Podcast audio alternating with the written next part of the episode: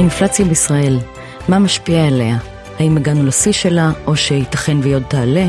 מה עושים כדי למתן ולעצור אותה? שיחה קצרה על ענייני השעה. אני טלי גרשוני, נמצא איתי ברק גרשוני, מנכ"ל ובעלים של גביש פיננסים בית השקעות. היי ברק. היי טלי. אז לפני שנתחיל, נגיד למאזינים שכל מה שיאמר פה לא מהווה ייעוץ השקעות או שיווק השקעות. אין בדברים להוות המלצה או להסתמך על הדברים לשם ביצוע השקעות, הדברים בפודקאסט הזה נועדו להעשרת הידע הפיננסי בלבד.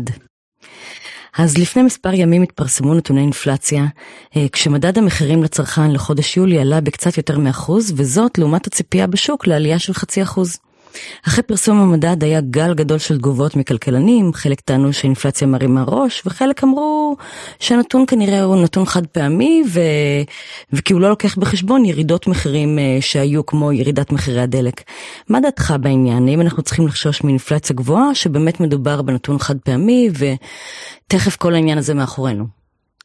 זה העניין הוא באמת מבחינתנו זה שלצערי אני אומר וזה קצת מרגיז ששני הצדדים צודקים זאת אומרת כלכלנים שאומרים ש, שהמחירים אה, ירד, ירדו וירדו הם צודקים וכלכלנים אה, כמוני שחושבים שאנחנו לפני תהליך של אה, עליות מחירים מסוכן תהליך אינפלציוני גם כנראה צודקים מהחשש שלהם לא יודעים מה יהיה בעתיד אבל החשש הוא מוצדק.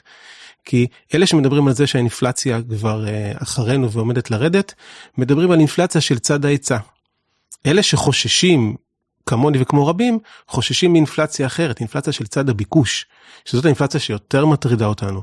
אבל אם נדבר רגע על אינפלציה של צד ההיצע זה משהו שהשוק חשב הרבה זמן שזאת האינפלציה ואין צורך להילחץ ממנה. למה? כי הייתה קורונה ונהיה פקק בנמלים ושרשראות האספקה אה, נתקעו. היו פשוט אוניות בלי סוף בנמלים אה, וסחורה התעכבה וזה יוצר לך בעיה של מחירים. התחילה מלחמת רוסיה אוקראינה גם כן הגז הנפט החיטה הכל טס עכשיו מי שהסתכל ואמר החיטה החיטה החיטה עלתה באיזה 30 ומשהו אחוז השנה. אבל רק בשביל לרדת את כל הדרך הזאת חזרה והיא כמעט באפס מתחילת השנה. רוצה לומר מחירי הסחורות צד ההיצע ידענו שהולך להירגע מתישהו וזאת אינפלציה שבנק מרכזי פחות מוטרד ממנה. איפה הבעיה הייתה וזה מה שאת התחלת בפתיח שלך עלייה של מדד של 1.1 אחוז כשכל השוק פה בישראל חושב על 0.6 וכל השוק פה מדבר שבישראל כמעט ואין אינפלציה ואצלנו זה לא כמו בארצות הברית. זה חתיכת סיפור למה? כן איך מוסבר הפער הזה בין הציפייה לבין העלייה בפועל? קודם כל יש שם כמה דברים בעיקר הדיור שאנחנו uh, כולנו uh, מכירים אבל אבל זה עוד פעם מבחינתי זה לא היה הסיפור הסיפור היה שבאמת בכל מקום שהסתכלתי בנתונים כמעט בכל מקום היו עליות מחירים ולא עליות מחירים בגלל הסחורות ונכון שהדלק כבר ירד ובמדד הבא נראה פחות אה, אינפלציה במדידה של המדד. הבעיה היא שכולם מרגישים שהם יכולים להרשות לעצמם להעלות מחירים. כי. מה? כי יש אווירה כזאת? זה הפחד שלי. הסיפור בגדול הוא אווירה של אינפלציה, זה הרבה יותר מפחיד אותי מאינפלציה. מה, מה הכוונה? מה זה אומר אווירה של אינפלציה? אווירה של אינפלציה איך זה מתבטא? בצורה הכי פשוטה זה יבואן שמספר שהוא חייב להעלות מחירים, ונזכיר שהדולר בוא נגיד בשלוש שנים האחרונות בערך אה, נחלש 15 אחוז, ככה give or take. אז יבואן כזה שמכר נגיד אה, מוצרים ב-X עכשיו קונה אותם ב-15% יותר זול במהלך השלוש שנים האחרונות. על פניו נוצר לו אחלה רווח, לא שמעת אותו צועק שהוא הולך עכשיו להוריד מחירים. כמובן שלא. אז אם זה כמובן שלא, אז למעלה היה אמור להיות יותר כושר ספיגה, אבל לא. אותו דבר עם דירות דרך אגב. יש שיטת uh, מצליח, מספרים שיש בעיה, יש בעיה, אני לא אומר שלא ולא נכנס לזה בכלל, אבל האווירה היא שמתווך יכול לבוא להגיד לבעל דירה, בוא ננסה, כמה דירה? 2.6, בוא ננסה 3.2. זה כבר לא 2.6 בוא ננסה 2.8. בוא ננסה 3.2 שיטת מצליח האווירה הזאת היא האווירה הבעייתית והיא משהו שקפץ לי ו- ומטריד אותי במנתונים של המדד האחרון זה ממש דבר שהוא צריך להיזהר ממנו. ו- ואנחנו צריכים לראות מה אנחנו עושים עם זה. אתה אומר למעשה שבגלל האווירה הזאת כולם יכולים לתפוס טרמפ ולהעלות מחירים כי אם מישהו מעלה אז גם מישהו אחר יכול לעלות ויש ונוצר איזושהי תגובת שרשרת של אה, אחד מעלה ועוד אחד מעלה ועוד אחד מעלה אה, במסגרת האווירה הזאת אז מה עושים בעצם כדי לעצור? זה נשמע כמו כדור שלג. וזה הפחד שלי כי אינפלציה בפני עצמה או עליית מחירים בפני עצמה חד פעמית לא מטרידה אף אחד. אבל מה שאת תיארת במילים שלך זה בדיוק התהליך שאני חושש ממנו. כי אני מפחד שאחד ועוד אחד ועוד אחד, ובישראל יש בעיה מובנית. ישראל היא שוק שהוא בהרבה מאוד מקומות קרטליסטי, מונופוליסטי, איך שתרצי לקרוא לזה, זה שוק בעייתי. כי ממילא מונופוליסטים מעלים את המחיר כמו כמה שהם חושבים שאפשר להעלות את המחיר.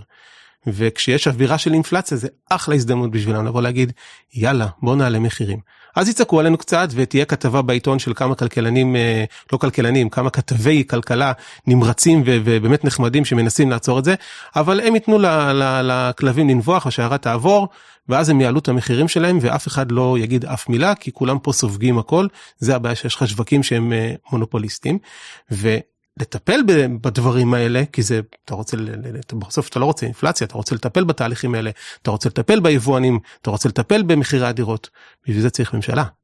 בחילופי ממשלות לאחרונה לא תורמים לעניין אני מניחה. בדיוק ככה. אז אה, כל נכון אז אז בנק ישראל נדרש לעניין ואיך הוא יכול לעשות אה, משהו עם העניין מה הוא יכול לעשות כדי לעצור את זה. אז קודם כל יש יש לנו אה, בוא נסדר את הדברים כדי ש, ש, שהמאזינים יבינו.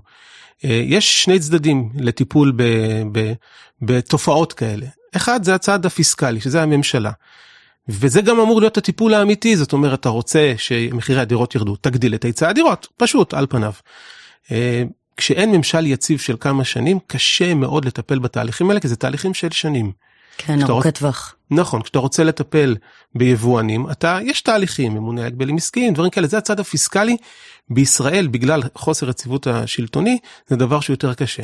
ויש את הצד השני, הצד המוניטרי. הצד המוניטרי זה הצד של המנדט של בנק ישראל, נגיד בנק ישראל, שלמעשה באמצעות כלי הריבית בעיקר, יכול לשלוט על הביקוש וההיצע לכסף.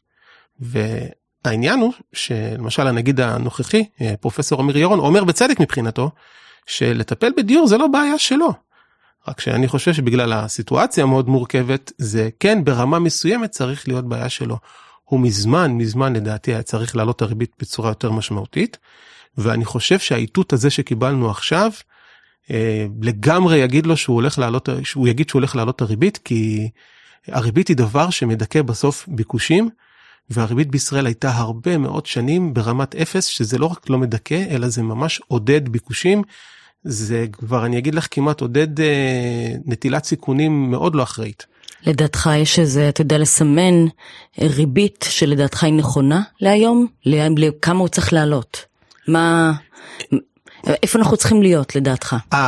המספר עצמו הוא מספר שנגזר ממציאות מסוימת אבל אה, זה סוג של ניסוי וטעייה גם אצל הנגידים אני אגיד לך אבל מה הסביבה ומה חשוב יותר. בנק ישראל בא ומסתכל ורואה תהליכים אינפלציוניים מתפתחים כמו שראינו עכשיו במדד האחרון שאני בטוח שזה לא ימצא חן בעיניו. הוא יודע שהריבית היא נמוכה. הוא יודע שהוא צריך עכשיו להתחיל לעלות את הריבית. אני חושב שהוא צריך להגיע לפחות כרגע לאזור השלושה וחצי אחוז, אני גם הייתי אומר ארבעה אחוזים, זה נשמע בטח לאנשים הרבה מאוד ביחס למה שהיה בעשור האחרון. כן, עלייה חדה, אנחנו לאחד ורבע היום, זה עלייה יחסית חדה. כן, אבל בישראל הנגיד מסתכל על הדברים האלה לא כעל, גם על מספרים כמספרים, אבל הוא מסתכל על נתונים, ואז הוא אומר לעצמו, רגע, יש לי שוק עבודה רותח, אנשים לא מצליחים למצוא עובדים, מעסיקים לא מוצאים עובדים, קשה מאוד למצוא עובדים. האבטלה בישראל היא מה שאוהבים לקרוא הכלכלנים כמעט אבטלה חיכוכית. זאת אומרת שכולם עובדים, כל מי שרוצה לעבוד בא ויכול לעבוד, זה שוק חם, חם, חם. גם אם הוא קצת התקרר עכשיו, דיברו פיטורים בהייטק וזה, אבל זה שוק חם. אז יש לך את שוק העבודה כשוק שמתפקד לגמרי. יש לך, היה לך פער תוצר, מה זה פער תוצר? היה פה נפילה בעקבות הקורונה ויש צמיחה. הנתוני צמיחה האחרונים מתפרסמים לא מזמן, לפני לדעתי כמה ימים. בישראל נתוני צמיחה מאוד מאוד חזקים. אז יש לך צמיחה חזקה, זה אומר שיש ביקושים חזקים. יש לך שוק עבודה חזק. משכורות עולות. זה שוק שנקרא שוק בהתחממות. והתחממות כזאת זה תהליך אינפלציוני מכל הכיוונים. מכל הכיוונים וברגע שזה התהליך בנק ישראל יכול להרשות לעצמו צריך להרשות לעצמו אפילו חייב לבוא ולהתחיל לעלות את הריבית ויותר מלנושא של לעלות את הריבית צריך להתחיל לדפוק על השולחן. מה זה אומר לדפוק על השולחן? זה אומר להיות הרבה יותר אסרטיבי בשיח. אם כולם דיברו בעבר מה שהתחלנו בשיחה שלנו אינפלציה של צד ההיצע ואמרו תקשיבו זה יעבור אז נגיד בנק ישראל הרי אין לך מה להתערב עם ריבית, העללות ריבית כשהנפט עולה. מה אתה תוריד את הנפט? הרי אתה צריך לדכא ביקושים, זה לא, זה לא ישנה כשהאינפלציה היא מצד ההיצע. ובגלל זה הנגידים בכל העולם קצת עמדו מהצד. עכשיו מתחילים, כשאנחנו רואים לנגד עינינו את התהליכים המסוכנים האלה של תהליכים אינפלציוניים של צד ביקוש, חייב לבוא הנגיד, הנגידים בכל העולם, אבל בישראל נתייחס רק אלינו, להגיד, אני לא מתכוון לתת לאינפלציה הזאת להרים את הראש בכלל. וזה אומר שאני אשתמש בריבית כמה שאני אצטרך. אתה מדבר פה על שני דברים, גם על המעשה עצמו, העלאת הריבית, וגם על אופן העברת המסר. נכון. על הטון, על העוצמה שלו, הוא מה, חייב מה, להיות, מה זה ישנה, הוא חייב בסוף להיות, צריך מעשים. הוא חייב להיות ניצי קודם כל, בטון, ו, וזה מאוד חשוב הסיפור הזה, וניצי אני אומר, אני רק אסביר מה זה כן, ניצי. כן, תסביר מה זה אומר ניצי לטובת אה, המאזינים. הסיפור של נץ בכלכלה נחשב מישהו שמאמין בהעלאות ריבית ובצמצום אה, מוניטרי, ככה בגדול, והצד השני של זה נקרא הצד של היונה, the dove. אה, ומי שהוא דוביש, הוא יוני, מה שנקרא, הוא בעד להיות עם מדיניות מוניטרית מרחיבה. הטון חייב להיות הרבה יותר ניצי, ואת שואלת על הנושא של מה, מה זה משנה מילים, כי צריך כן. מעשים. אה, זה מעניין, אני ככה חצי חיוך מה שנקרא, כי אני חושב שהאקט המוניטרי הכי משמעותי שהיה ב-12-13 שנה האחרונות, האחרונים, אה, היה של אה, נגיד ה-ACB מריו דרגי, לשעבר אה, עכשיו הוא כבר היה ראש ממשלת איטליה, שכשלדעתי אירופה עמדה כמעט להתפרק, כי האגרות חוב האיטלקיות היו בשמיים ו- וממש, יכול, יכלה להיות פשיטת רגל רבתי, הוא בא למסיבת עיתונאים, הסתכל אל כולם, ובמבטא האיטלקי שלו, ואני לא אחכה אותו פה, אמר חברים, אני מתכוון להשתמש בכל הכלים שיש ברשותי וכשאני אומר שאני אשתמש, תאמינו לי שזה יספיק. רק הדיבור הזה לדעתי הציל את אירופה בזמנו ואני לא מגזים. אז הטון צריך להיות כזה שכשהנגיד יעלה בפעם הבאה למסיבת עיתונאים, לא יהיה בכלל מחלוקת שהוא מתכוון לדברים שלו. שהוא אומר אני אעלה ריבית לא מעניין אותי אם אעלה ריבית עכשיו בחצי אחוז או 0.75 אני חושב שצריך להיות 0.75 כדי לשדר מסר כאילו כבר להביא את הריבית לשני אחוז ולהגיד חבר'ה פה אינפלציה של ביקושים לא תהיה. הסיפור יהיה הטון. היד מה שנקרא האגרוף על השולחן להגיד חברים זה לא הולך לקרות פה אני אלחם אני אעלה את הריבית אני לא אתן לאינפלציה בישראל להרים את הראש כי אני מזהה את מה שאת ואני בתחילת השיחה אמרנו שבמדדים פה מתחילים לראות תהליך אינפלציוני שהוא מאוד מאוד מטריד והוא מאוד אה, אה, מסוכן. אז הוא יכול לעשות את זה והוא צריך לעשות את זה ואני חושב שזה המהלך המתבקש. אז אתה מדבר באמת על הטון, אבל אתה גם אומר שזה חייב להיות מגובה במעשים, אבל ציינת לפני כן שלדעתך הריבית צריכה לעלות לרמה אפילו של 4%. 4% אוקיי, זה ייתן פתרון למחר, אבל היום ציבור שלהם נוטל משכנתאות, שהעלאה כזאת יכולה לדחוק אותו בצורה משמעותית. ציבור לא קטן. אה, עדיין זה לדעתך נכון? כן, אני, אני גם מסביר למה. כי בבחירה שבין אה, לפגוע בנוטלי משכנתאות שזה דבר נורא. אה, כי הריבית תעלה ואנשים זה באמת תהיה מצוקה לאנשים אה, עם כן, ההחזר. כן, בטח העול... כאלה שרוב ההכנסה שלהם היא על הוצאה כזאת. מסכים לגמרי אנשים הרי מינפו את עצמם לדעת במשכנתאות זה שהם כאילו לקחו רק 70 אה, אחוז משכנתה לכי תדעי מאיפה הם הביאו אותו עוד 20 אחוז במחירים של היום לא סביר שכולם הביאו את זה רק מהכיס שלהם ומההון העצמי שלהם. וזה באמת סיטואציה קשה. אבל בבחירה שבין ריבית גבוהה יותר לתקופה, שדרך אגב לוקח לה זמן לחלחל. כן, לא, בדיוק, לא... גם אם יהיה העלאת ריבית זה לא יהיה מחר, זה שינוי טווח ארוך. את הריבית את יכולה לעלות מחר, אבל את ההשפעות נכון. תקבלי מטווח יותר ארוך, נכון, מסכים.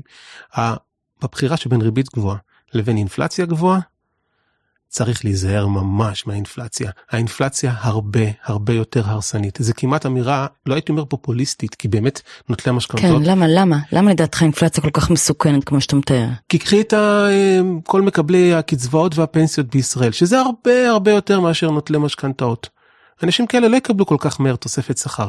אם המדד יעלה עכשיו ב-10-15 אחוז, האנשים האלה נשחק להם 10-15 אחוז זה אנשים ש, שכל הכסף שלהם כל הקצבה שלהם הולכת והוא בוחר יש המון אנשים מבוגרים שבוחרים ממש בין התרופה לבין החשמל. נשמע נורא צריכה נכון. בין חלופות. אז כשאם תעלי להם את המחירים בעשרה אחוז זה, זה לא רק לבשל אנשים בתוך המים החמים זה פשוט להעלות את האש ממש חזק. נוטלי משכנתאות זה מגזר אחד זה אנשים בדרך כלל עובדים הגיעו לדירה איכשהו מעצבן זה אנחנו זה זה בני גילנו זה זה הכל אבל זה אנשים שעם העשר אצבעות יכולים לעבוד והם מגזר מסוים ויש פה המון אנשים שכבר כבר כמה שנים כבר קנו דירה. מי שנכנס עכשיו ייכנס יותר מפוקח מי שנכנס בשנים האחרונות יהיה לו טיפה יותר קשה אבל זה מגזר יחסית שהוא מצומצם. מקבל הרבה פבליסיטי אבל הוא מצומצם. מי שלא מקבל פבליסיטי זה הילד העני שאימא שלו או החד הורית או הלא חד הורית זה לא משנה סופרת שקל לשקל האם להכניס אותו לבית ספר ולקנות את הדברים או האם מישהו צריך תרופה בבית ומה עושים ואיך משלמים את החשמל או את השכירות. אלה הרבה יותר בארצות הברית היה מחקר עכשיו שהראה באמת שהעליית המחירים שם שכמעט כבר 10% במצטבר יותר מ-10% היא קטסטרופלית למקבלי קצבאות כי יש המון מקבלי קצבאות שאין להם התאמה לאינפלציה יש כאלה שמקבלים איזה תוספת יוקר כזאת. אז בשאלה הזאת שבין על מי אני מוטרד יותר, מי יפגע יותר, אינפלציה תפגע הרבה הרבה יותר, וזה משהו שלא מדברים עליו מספיק, וטוב שאנחנו מעלים את זה אצלנו בשיחה, כי אינפלציה זאת ממש מחלה בהקשר אה, הזה. עליית ריבית היא דבר מנג'יבל אפשר להתמודד איתו. קחי בחשבון שהוא גם יעזור מאוד לנקות למשל את שוק הדיור כי שוק הדיור יש בישראל מספיק משקיעים שאם תגידי להם שיש 4% באיגרת חוב של ממשלת ישראל לעשר שנים מה שכרגע לא לא לא עולה לאנשים בדמיון אבל אם יש דבר כזה יש המון משקיעים שיגידו למה אני צריך דירה בדרום הרחוק או בצפון הרחוק שאני בקושי מגיע אליה. ו- ואני עכשיו וזה בוא אני אשים את זה פה לעשר שנים 4% ממדינת ישראל. הביטחון הוא מלא אין מה להתעסק עם שוכרים אין לי מה לקנות עוד דירה. יש לי שקט. זה דבר שמזיז בשוליים את הכלכלה והעלאות הריבית האלה אין לי ספק בכלל שהם יזיזו הרבה מאוד אנשים שהם סולידיים לפקדונות, לאגרות החוב, לקרנות הנאמנות, ימתן טיפה את הביקושים בתחום, אה, בתחום הדיור, שזה תחום אחד חשוב, ואני מקווה ש, ש, שייצר לנו uh, טיפה יותר שקט, אבל כרגע, אם אני מסכם את, ה, את, ה, כן, את תן איזה שהיא לסיכום המלצה בכמה נקודות מה אתה ממליץ לצרכן הממוצע, אפילו כזה שלא נטל משכנתה עדיין, מה היית ממליץ לו לעשות, איפה להשקיע, או, או מה לעשות עם ה... עם הכסף שיש לו, ומה אתה חושב שצריך לעשות בכלל, ככה ממש בכמה נקודות. אז, אז זו שאלה מצוינת, בואו נסגור אותה קודם כל, כי לא חשבתי על הצרכנים. אנחנו בדרך כלל כולנו כוכבים, כל הכלכלנים, בלתת עצות לבנק כן. ישראל, אז אני לא יכול להימנע מזה. אבל בואי נתחיל באמת ממה ש, שאמרת לגבי הצרכנים. אה, צרכנים שיש להם כסף היום, דווקא צריכים לפתוח את העיניים לגבי האפיק הסולידי. כי עליית ריבית היא רעה לנוטלי משכנתאות, אבל מצד שני, כמו ש... שלא דיברנו על זה, היא נהדרת לכל החוסכים. פתאום אפשר למצוא תשואות. אנשים כמוני שמנהלים תיקים אה, כבר אה, מתעסקים בניהול השקעות כבר הרבה שנים. אה, פתאום רואים תשואות וזה דבר נחמד לראות כי אפשר להרוויח כסף לקוחות. אז זה לצרכן. מי, ש, מי שמתמודד עם עליות ריבית עם ריביות משתנות במשכנתה אני לא חושב כל כך שיש לו מה ואיך לעשות. פשוט צריך לוודא שההכנסה הפנויה תספיק. אני לא יודע איך, איך לייצר את זה אז אני קטונתי מלהשיא עצות בהקשר הזה. אבל הכי חשוב זה לבנק ישראל ואני אומר את זה בכל הצניעות שיהפוך את הטון לניצי, יגיד חברים, אנחנו לא ניתן לאינפלציה של ביקושים להתפתח פה, ולא יגיד אה, אוקיי אז אה, האינפלציה תתכנס ליעד בעוד שנתיים שלוש לא לא יש פה דגלים אדומים ובנק ישראל צריך לבוא אני קורא סליחה על השפה עם נבוט ולהגיד כאן ועכשיו לא נותנים לזה להרים את עצמו נעלה את הריבית כמה שאנחנו צריכים כי אנחנו לא ניתן לאינפלציה לחלחל פה ולהרוס uh, בישראל. זה הנקודה. מאה אחוז, תודה רבה, ברק. תודה לך, טלי.